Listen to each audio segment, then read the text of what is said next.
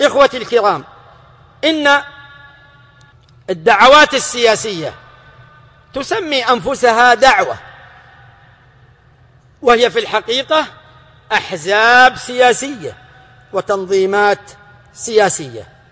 ومن هذه التنظيمات السياسية ما يسمى بجماعة الإخوان المسلمين وهذا التنظيم الذي يعرفه الناس في هذه الأيام تقريبا عامة المسلمين يعرفونه خصوصا بعدما رأوا من الأحداث الأخيرة. هذا التنظيم لا يجد أحسن من هذا الاسم لأنه يدغدغ به مشاعر الناس. وهو في الحقيقة ليست دعوة وإنما هو تنظيم سياسي تنظيم جماعة الإخوان المسلمين. لكن لبس اسم الدعوة حتى يروج ويقبل عند الناس. هذا التنظيم تنظيم الإخوان المسلمين له ما يقارب الثمانين عاما.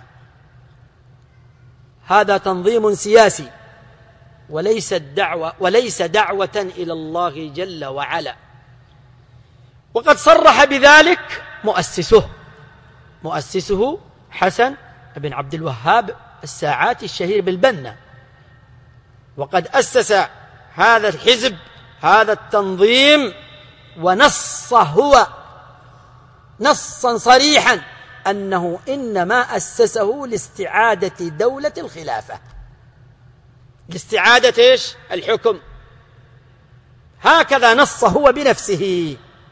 ولذلك لما كان هذا هو الأصل الذي انطلق منه ما كان همه الدعوة إلى الله وتصحيح عقائد الناس.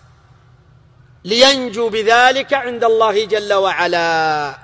فالأحزاب السياسية من طبيعتها المراوغات وعدم الوضوح واستقطاب واحتواء الجماهير وتكثير الحشود. هذا من خصائص الدعوات والتنظيمات الحزبية السياسية. وتنظيم جماعة الإخوان هذا أصله وكان من أساليبه استخدام الجموع للضغط بها على الحكومات حتى ترضخ لمطالبهم. فقامت هذه الجماعة وقام هذا التنظيم فلما كان تنظيما سياسيا كان صالحا لكل متشوف إلى الحكم أن يدخل فيه.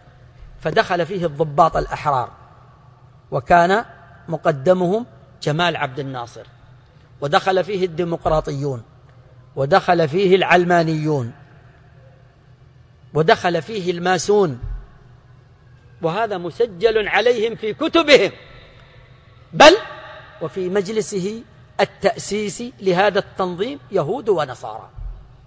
وإن شئتم فهذه الصور مثبتة يحضرون معه في الموالد النبوية. من الأقباد النصارى يحضرون معه وهو يحضر معهم في عيد الفصح وفي أعياد النصارى. وصوره شاهدة على هذا. إذا فهذا أولا تنظيم سياسي.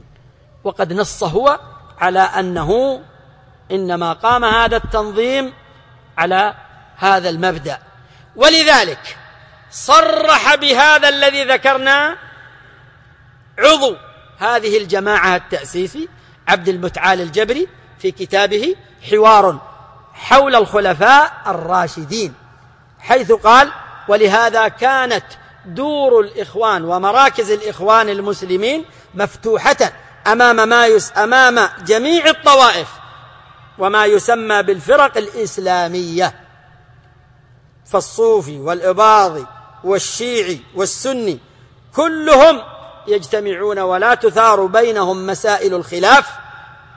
يعني المسائل العقيد العقدية وإلا كيف يجتمع صوفي وشيعي رافضي؟ طبعا ما يستطيع يقول رافضي يقول شيعي ليكون ألطف الرافضة وكانوا موجودين معهم.